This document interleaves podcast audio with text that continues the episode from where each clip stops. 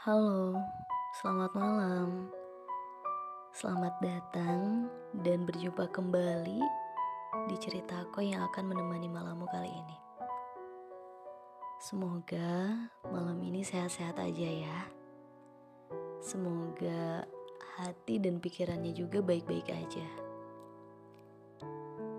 Um, orang bilang bahwa cinta itu membutuhkan perjuangan, butuh bukti dan pengorbanan. Tapi tahu gak sih, terkadang ada sesuatu yang sering banget dilupain bahwa saat sedang berjuang malah lupa akan keadaan. Saking ambisnya memperjuangkan seseorang, mempertahankan seseorang, sampai lupa bahwa jatuh cinta itu tidak hanya sekadar perjuangan, tapi sadar diri bahwa dia tidak mau kamu perjuangkan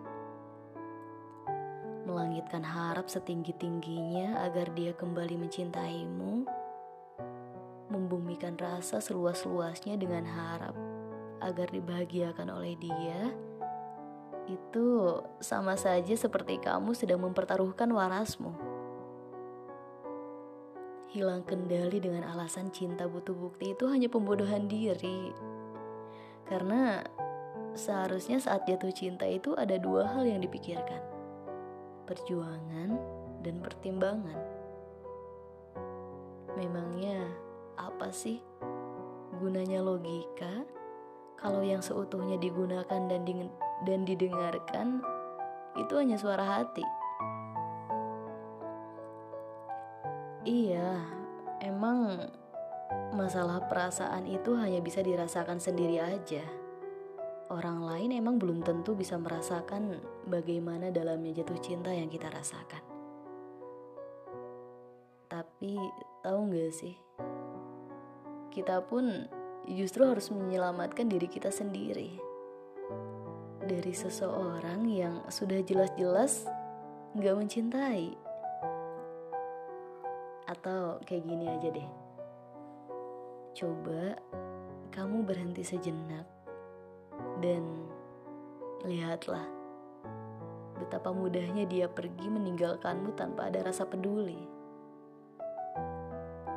Lalu, setelah mendedikasikan perasaanmu seutuhnya untuk dia, siapa lagi yang akan memikirkan dirimu sendiri saat dia sudah jelas-jelas memilih untuk pergi? Gak perlu menggenggam terlalu erat sesuatu yang semakin lama digenggam justru semakin membuatmu sakit. Iya, mungkin kita memang tidak bisa memilih kepada siapa kita jatuh cinta, tetapi kita bisa memilih siapa yang pantas untuk diperjuangkan. Dan saat buktinya sudah jelas di depan mata, kalau kehadiranmu sudah sama sekali tidak pernah diinginkan sama dia, apalagi yang ditunggu. By the way, saya punya satu cerita nih yang memang um, jika dibilang saya pun pernah berusaha menggenggam begitu erat sesuatu yang saya miliki. Bahkan ada begitu banyak hati yang tidak saya pedulikan sama sekali hanya untuk mempertahankan dia.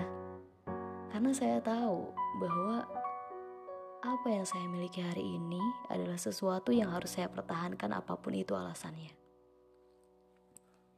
Jadi waktu itu dari beberapa pilihan saya memantapkan diri, memantapkan hati untuk memilih dia sebagai satu-satunya laki-laki yang pantas saya perjuangkan, pertahankan, dan tentunya diberikan kasih sayang.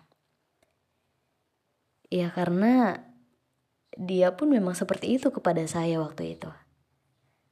Hari demi hari berlalu, dan orang-orang silih berganti datang dalam hidup saya. Mungkin ada benarnya juga apa kata orang bahwa um, saat kita memiliki seorang kekasih, saat itu juga akan ada begitu banyak rintangan. Salah satunya datang silih berganti orang baru. Namun, meskipun begitu, lagi-lagi saya tidak mempedulikan orang-orang baru yang datang dalam hidup saya.